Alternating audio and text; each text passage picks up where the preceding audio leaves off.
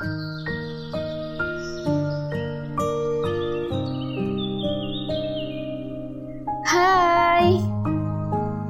Assalamualaikum warahmatullahi wabarakatuh.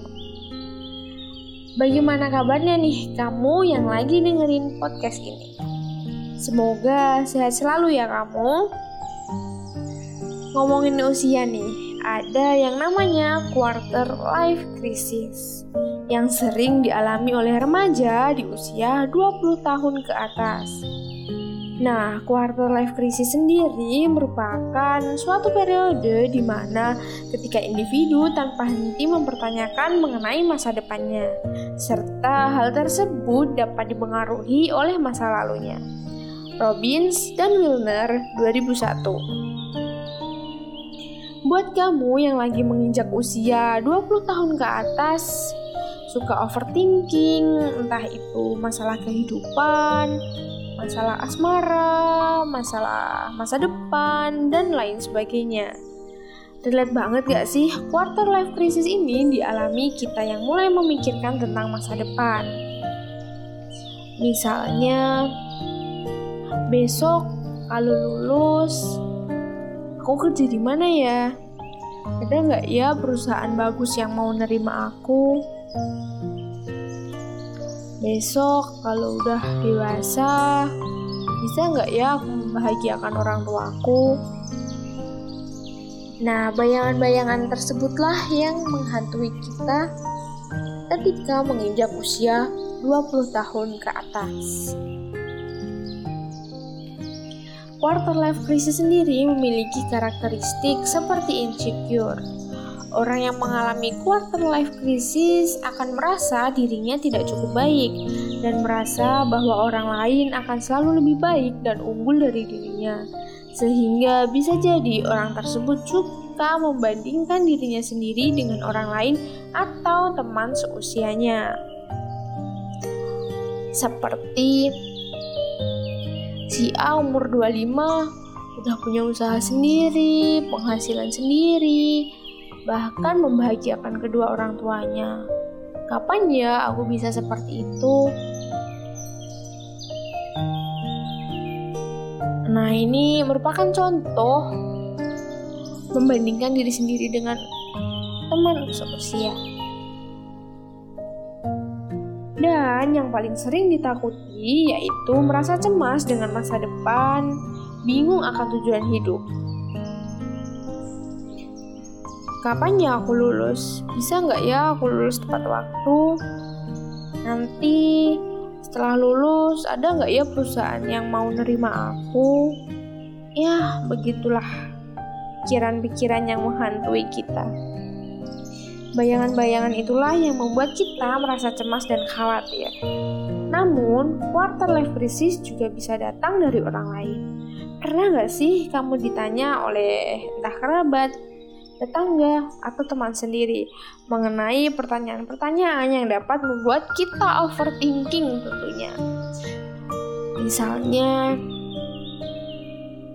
kapan lulusnya, kapan wisudanya, kapan nikah, udah kerja di mana, usia segini kok belum kerja, usia segini kok belum mapan.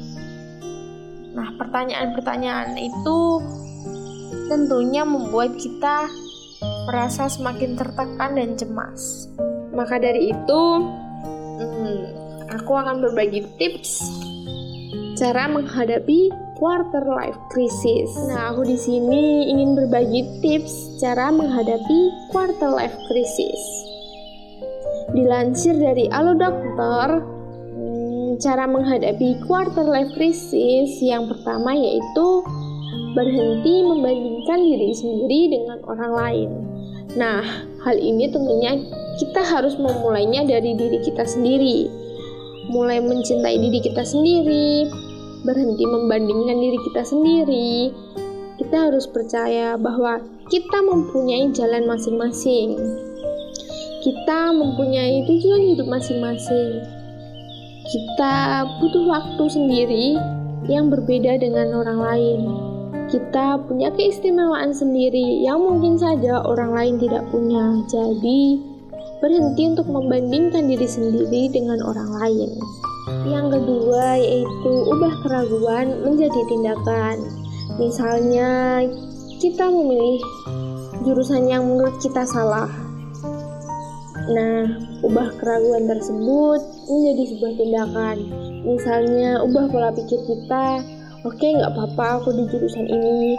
Mungkin aja jurusan ini bisa menambah wawasanku menjadi lebih luas dan menemukan hal baru yang mungkin saja hal baru itu bisa menjadi passionku yang baru juga. Jadi, jangan berkecil hati dulu, jalani dengan ikhlas dan penuh semangat.